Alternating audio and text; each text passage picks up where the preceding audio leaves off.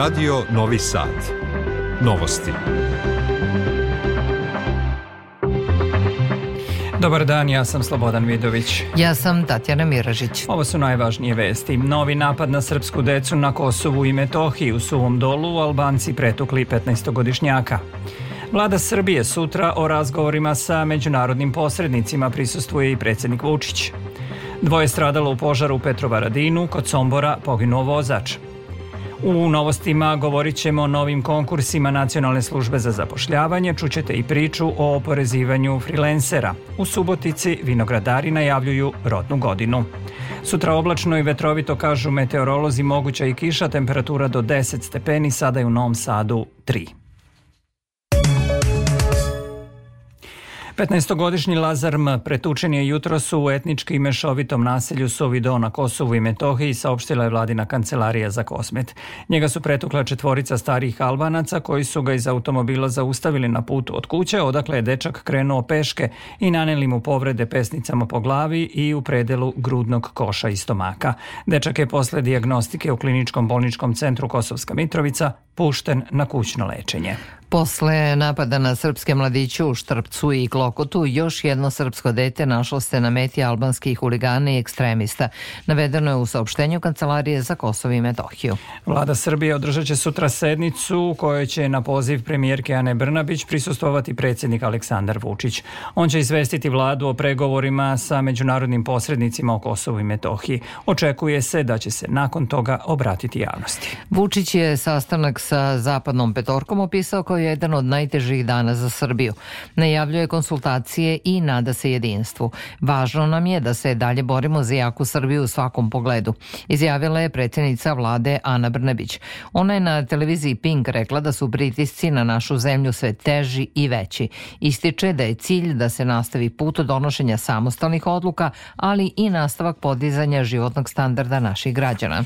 Sastanak predsednika Vučića sa predstavnicima petorke nekadašnji diplomata Zoran Milivojević ocenjuje kao nastavak pritisaka koji su sada dostigli jednu vrstu kulminacije i navodi da na zapadnoj strani postoji interes da se kosovsko pitanje brzo reši. On smatra da postoji latentna opasnost u vezi s ponašanjem Prištine koja ne prihvata sve ono bez čega mi ne možemo da uđemo u ozbiljne pregovore, a to je zajednica srpskih opština. Prema Milivojevićevim rečima, problem je u tome što i Vašington Washington i Brisel i Priština imaju isti cilj, samo je razlika u načinu kako ga ostvariti. Sad se ta granica između razlike koje oni imaju približava idu zajedno prema istom cilju i ja se bojim toga da bi oni u podršci Kosovu išli i dalje od toga od čega su recimo sada išli kad smo imali zadnju eskalaciju na kraju godine. Da bi čak možda i tolerisali prištinskoj strani neke akcije koje bi bile direktno upravljene prema srpskom narodu i gde bi Srbija morala da reaguje na drugi način. To je recimo nešto što bi Srbiju dovelo u, u krajnje delikatnu situaciju i tu ja vidim pretnje na tom bezbednom odnosno političkom planu koje bi mogle da budu primenjene prema nama. U Parizu je opljačkan stan sudije za zločine OVK, pri čemu je iznet laptop sa podacima. Tu vest je saopštio humanitarac i direktor Uprave za saradnju sa dijasporom i Srbima u regionu Arno Gujon, prenoseći pisanje francuskih nedeljnih novina o ciljenoj pljački stana Visokog sudije za zločine OVK početkom januara u Parizu. Gujon je na Twitteru podelio snimak članka u kome se navodi da su profesionalci ušli u stan i da su iz njega izneli jedino laptop sa veoma osetljivim podacima o sudskim procesima koji su u toku. Slična pljačka se nedavno dogodila u Briselu, gde je jednom sudiji istog specijalnog suda ukraden računar, ali se za sada ova dva slučaja ne dovode u vezu, napisao je Gujon. On je dodao da list podsjeća da je tokom rata na Kosovu poginulo oko 13.000 osoba, a da se trenutno bivši šef albanske paravojne formacije OVK Hašim Tači tereti za ubistva i mučenja. Nivo reka u poplavljenim područjima u Srbiji opada, vanredna situacija i dalje na snazi u Leposaviću, Prijepolju, Sjenici, Novom Pazaru, Brusu, Tutinu, Kuršumliji, Prokuplju i delu opštine Kraljevo. Još se traga za muškarcem nestalim u reci Raški. U poplavljenim područjima nadležni prate situaciju, a počinje i procena štete. U blagom porastu je Sava kod Šapca. Na snazi su mere redovne odbrane od poplava. Za sada nema problema sa izlivanjem reke u branjenom delu. Dve osobe su izgubile život u požaru koji je jutros izbio u ulici Račkog u Petrovaradinu. Tela su pronađena na spratu zgrade u kojoj je izbio požar, a policija je potvrdila da je jedan od nastradalih 70-godišnji Miroslav Bucarević, vlasnik kuće. Identitet druge osobe i uzrok požara biće poznati posle istrage. Jedna osoba je poginula jutro su u saobraćajnoj nesreći na putu Sombor-Gakovo kada je putničko vozilo sletelo sa puta. Nezvanično, vozač ista para poginuo je na mestu nesreći nesreće, a istraga će utvrditi okolnosti pod kojima se ona dogodila. Slušate novosti prvog programa radija Radio Televizije Vojvodine. Navršavaju se tri decenije od akcije Hrvatske vojske Maslenica i zločina koji su počinili pripadnici hrvatskih snaga na području Ravnih Kotara i Malog Alana. Za smrt i nestanak 348 Srba, među kojima i starijih civila, niko nije procesuiran, podsjeća centar Veritas. Akcija je počela na današnji dan 1993. godine godine, a kako navodi predsednik Veritasa Savo Štrbac, izvršena je u vreme realizacije Vensovog plana, kojim je godinu dana ranije tadašnja Republika Srpska krajina stavljena pod zaštitu mirovnih snaga Ujedinjenih nacija. Od ukupnog broja žrtava do sada je rasvetljena sudbina 337 osoba, dok se na evidenciji nestalih vodi još 11, od čega je šest civila, među kojima su tri žene. Iz tih ravnokotarskih bugarskih sela proterano je prema podacima Veritasa više od 10.000 Srba. Navršava se 81 godina zloglasne novosadske racije u kojoj je od 21. do 23. januara 1942. godine ubijeno i pod ledunava Dunava bačeno više od 1300 Srba, Roma i Jevreja. U znak sećanja na stradale sutra u podne kod spomenika porodica na Keju žrtava biće održan tradicionalni pomen. Opširnije Milijana Kočić. Na temperaturama od 20 stepeni ispod nule i po jakom snegu ljudi su pre 81 godinu odvođeni u jame ili na obale Dunava i ubijani. Samo u zločinu poznatom kao Novosadska racija ubijeno je 500 Srba i 800 Evreja, uključujući žene, decu i stare, dok je širom Bačke ubijeno blizu 5000 ljudi. Zato zapravo govorimo o pogromu, a ne o raciji, objašnjava predsednik Jevreske opštine Mirko Štark. Mi znamo da je racija jedna policijska akcija u kojoj se ljudi u već većem, većoj meri hapse, dakle u većem broju, a ne podrazumeva ubijanje. Međutim, pogrom je izraz koji mnogo e, više odgovara onome što se u Novom Sadu desilo 42. godine. dolaze nove generacije, dolaze mladi ljudi koji ne znaju šta se desilo, koji imaju vrlo skromna saznanja o tome i koji misle da je tako nešto nemoguće da se desi. Međutim, istorija nas nažalost uči da iz, iz te iste istorije nismo ništa mnogo naučili kao čovečanstvo. Ovogodišnjem pomenu u Novom Sadu prisustovoći i predstavnici ostalih gradova stradalnika, kaže predsednik organizacijonog odbora Miroslav Ilić. To su Beograd, Niš, Kraljevo, Kragujevac, Sremska Mitrovica, Šabac i Zemun. I naravno na posledku ćemo održati i već tradicionalni pomen na, na Novosadskoj plaži Štrand. Članovi organizacijonog odbora ističu da je izgradnja memorialnog centra kompleksa posvećenog žrtvama pogroma u Bačkoj 42. godine kruna svega što su do sada uradili u želji da očuvaju sećanje na žrtve. U okviru kompleksa na prostoru kreativnog distrikta u Novom Sadu planirani su objekat memorialnog centra, memorialni park, kao i prateće uređenje parterne i saobraćajne poljoprivredne površine. Idejno rešenje biće predstavljeno sutra na dan 81. godišnjice Novosadske racije. Svet U pucnjavi prilikom proslave kineske nove godine u Montereju, u američkoj državi Kalifornija, deset ljudi je ubijeno, a više njih je ranjeno, od kojih je jedan u kritičnom stanju, saopštila je policija. Ubica je u bekstvu, a policija za njim intenzivno traga. Za sada nema nikakvih podataka o motivima tog zločina. Ljudi koji su potražili utočište od pucnjave u obližnjem restoranu, vlasniku su rekli da je napadač imao mitraljes. Ruske snage krenule su u novu ofanzivu u regionu regionu Zaporožje na jugoistoku Ukrajine i pojačale granatiranje istočnih ukrajinskih regiona izvan glavne linije fronta u industrijskoj zoni Donbasa, saopštili su lokalni zvaničnici. Vjačeslav Volodin, predsednik Ruske dume, upozorio je da će se svet suočiti sa globalnom katastrofom ako Vašington i zemlje NATO isporuče oružje Kijevu. Nemački kancelar Olaf Scholz izjavio je da će Nemačka nastaviti da podržava Ukrajinu. Referendum u Slovačkoj o izmenama Ustava koje bi omogućile prevremene izbore nije uspeo zbog niske izlaznosti i njegovi rezultati nisu pravno obavezujući. Na birališta je izašlo samo 27% građana, a da bi bio važeći, na glasanje je moralo da izađe više od polovine birača. Sadašnji Ustav Slovačke ne poznaje mogućnost prevremenih izbora. Vladi premijera Eduarda Hegera izlasano je nepoverenje u decembru prošle godine i od tada svi politički akteri traže i izlazi izlazi iz krize u zemlji.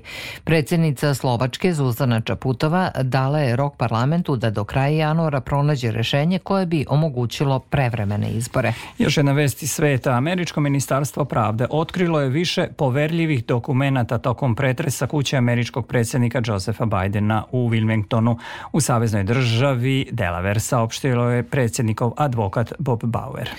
Prilikom pretresa koje traja više od 12 sati pronađeni su dokumenti iz Bajdena Bidenovog mandata u Američkom senatu, u čijem je sastavu bio 36 godina, dok su ostali iz perioda kada je bio potpredsednik Sjedinjenih američkih država. Prethodni i poverljivi dokumenti pronađeni su ranije ovog meseca u garaži kuće i u obližnjem skladištu nakon priznanja da je u njegovoj bivšoj privatnoj kancelariji koju je koristio dok je bio potpredsednik zemlje otkriveno desetak poverljivih dokumenta.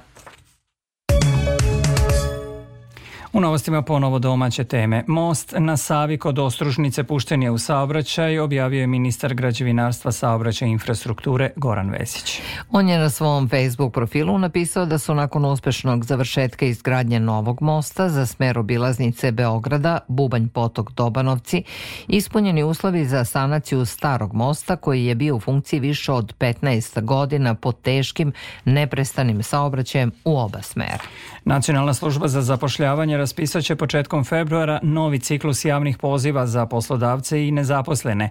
Budžet službe za podršku zapošljavanju iznosit će oko 6,8 milijardi dinara uz dodatnih 900 miliona od lokalnih samouprava, namenjenih za programe obuke, zapošljavanja i samozapošljavanja do 30.000 korisnika. Pripremila Branka Dragović-Savić.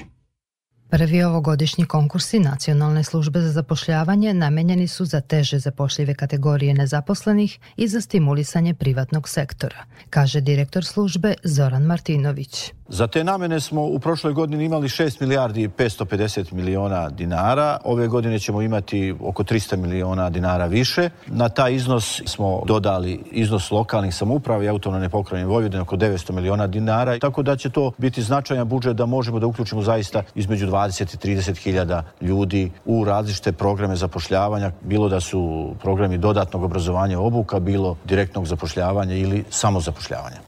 Martinović navodi da je u 2022. godini uz posredovanje nacionalne službe zaposleno skoro 200.000 ljudi sa evidencije nezaposlenih. Negde imamo oko 198.000 slučajeva zapošljavanja tokom cele godine i možemo da kažemo da je jedan veliki broj ljudi zaposlen direktnim posredovanjem nacionalne službe bez finansijske podrške, a kada su u pitanju finansijski posticaje i subvencije koje nudimo i poslodavcima i nezaposlenima, možemo da kažemo da smo u prošloj godini uključili oko 27.000 hiljada ljudi sa evidencije nezaposlenih. A kada su u pitanju podaci o broju ljudi koji su ostali bez posla prošle godine, on kaže da je u tom pogledu za službu pokazatelj broj prijavljenih za novčanu naknadu za slučaj nezaposlenosti. Prošle godine smo imali oko 59.000 lica koja su konkurisala dakle, za novčanu naknadu slučajne zaposlenosti. To je znači direktna posledica gubitka posla. Mi imamo negde oko 30.000 korisnika novčane naknade za slučajne zaposlenosti. Dakle, preostali broj ljudi je podneo zahteve koji možda nisu mogli biti uvaženi imajući u vidu da su svojom voljom prekinuli radni odnos.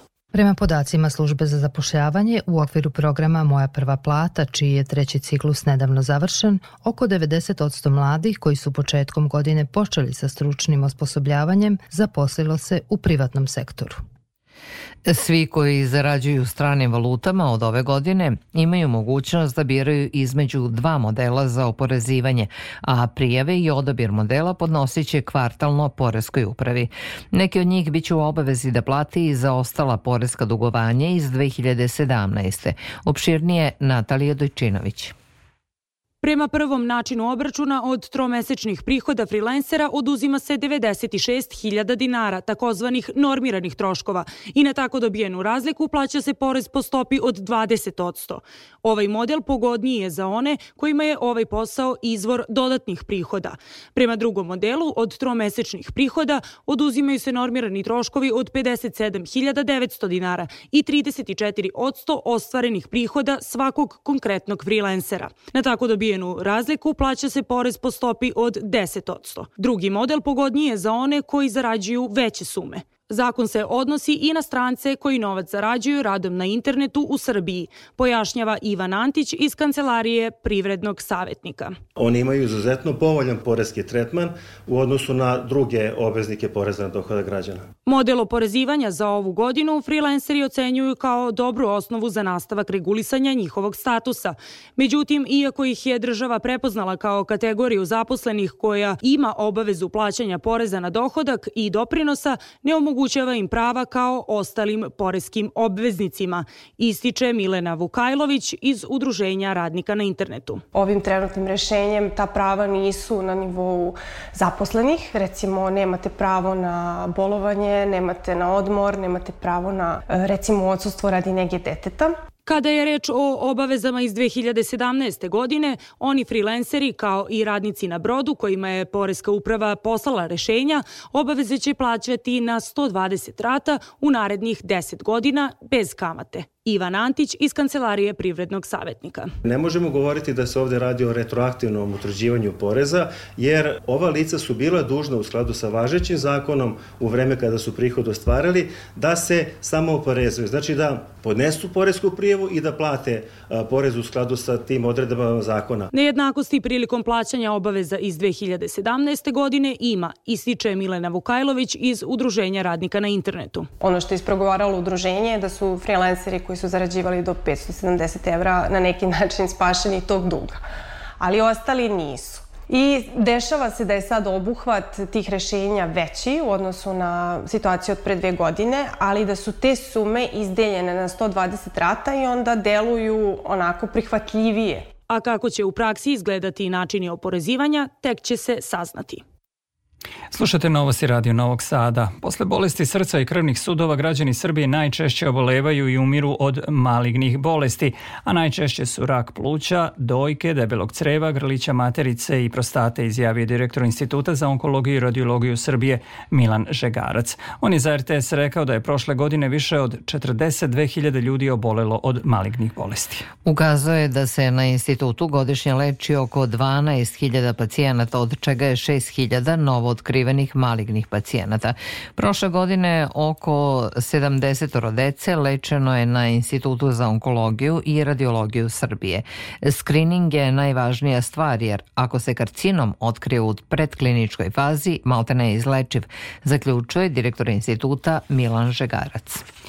Povodom Svetog Vinka, katoličkog pandana pravoslavnom Svetom Trifunu, zaštitnika vinara i vinogradara, na severu Bačke tradicionalno se 22. januara izlazi u vinograd i orezivanjem vinove loze prognozira rodnost godine, ali degustira vino stasalo u podrumu domaćina. Tamo je bila i Rada Stajić. Orezivanjem čokota u vinogradu Marina Skenderovića, koji u Ljutovu ima 8 hektara vinove loze, domaćin je u prisustvu vitezova vinskog reda Arena Zabatkijensis procenjivao zdravlje reznice, zavejane prvim ovogodišnjim snegom i očekivani rod grožđa. Evo šta je o tome izjavio Marin Skenderović, vlasnik vinograda, i Dragutin Miljković, veliki majstor reda vitezova vina Arena Zabatkijensis. Rodom bi bio zadovoljan čak i da bude kao ova godina. Nije bio nešto pretrano pretjerano veliki, ali je bio kvalitet. Ove godine i nije bilo neke zime, tako da izmrzlo nije. I hvala Bogu što je barem ovaj sneg došao, što je malo zahladila, da ga smiri da malo kasnije krene. Ne bi bilo vinogradu prijatno da ne vidi malo snega. Sneg u vinogradu ima bar dve funkcije. Jedna je da mu popravi tu vlažnu strukturu, druga njegova funkcija je da zaštiti od eventualno jakih mrazeva. Uzgoj vinograda i proizvodnju raznih sorti vina sa peska, kojima se Skenderovići porodično bave već već decenijama, nastavit će sin Nikola, koji se za to i školovao. Nada se da će vinograd ostati zdravi rodan, a vino bogato i izdašno. Već smo duplirali količinu vinograda u odnosu na to što je otac posadio. Mislim da, da ima neke perspektive u ovom, naravno tu i ljubav, ali vidjet ćemo šta će da bude. Mislim da ima perspektive. Tradicionalnoj rezidbi Čokotavinove loze upriličenoj povodom Svetog Vinka, katoličkog pandana Svetog Trifuna, zaštitnika vinara i vinogradara, prisustvovali su i vitezovi vina Svetog Urbana iz Horgoša, Svetog Trifuna iz Bajmoka, te arena za Batkijensis iz Subotice, koji ga slave i kao dan osnivanja svog reda. I vesti sporta. U 16. kolu regionalne košarkaške ABA lige borac u Čačku od 17 časova dočekuje i gokeu iz Laktaša, dok je studentski centar u Podgorici od 19.30 domaćin Partizanu.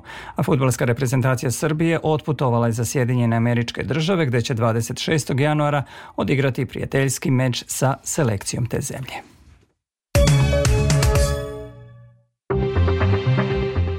Nedelja je 22. januar, podsjećamo na najvažnije vesti. Novi napad na srpsku decu na Kosovu i Metohiji u Suvom dolu Albanci pretukli 15-godišnjaka. Vlada Srbije sutra o razgovorima sa međunarodnim posrednicima prisustuje i predsednik Vučić. Dvoje stradalo u požaru u Petrovaradinu, kod Sombora poginuo vozač. Kod spomenika porodica sutra u podne obeležavanje godišnjice zloglasne novosadske racije. Sutra oblačno i vetrovito kažu meteorolozi, moguća je kiša, evo detaljnije prognoze. U Vojvodini u ponedljak temperatura dalje raste uz oblačno vreme i pojačan istočni istočni vetar, naročito jak u južnom banatu. Tokom dana je moguća kiša u većini predela, pritisak iznad normale. Minimalna jutarnja temperatura od 1 stepen na severu do 5 u Vršcu, maksimala od 7 na severu Vojvodine do 10 stepeni na jugu Banata. U Srbiji utorak padavinska zona odlazi na sever uz prestanak padavina i delimično razilaženje oblaka, pa može biti sunčanih intervala popodne. U utorak i sredu promenljivo oblačno i veći deo dana suvo uz dnevnu temperaturu oko 5 stepeni. Za Radio Novi Sad, Žika Pavlović, Meteos. Slušali ste novosti prvog programa radija Radio Televizije Vojvodine. Ovu emisiju možete slušati odloženo na sajtu rtv.rs gde možete pročitati i sve važne informacije iz zemlje i sveta. Emisiju tonski realizovao Mladen Branković. Pred mikrofonom bili Slobodan Vidović i Tatjana Miražić. Ostanite uz Radio Novi Sad i emisiju Sport i razonode.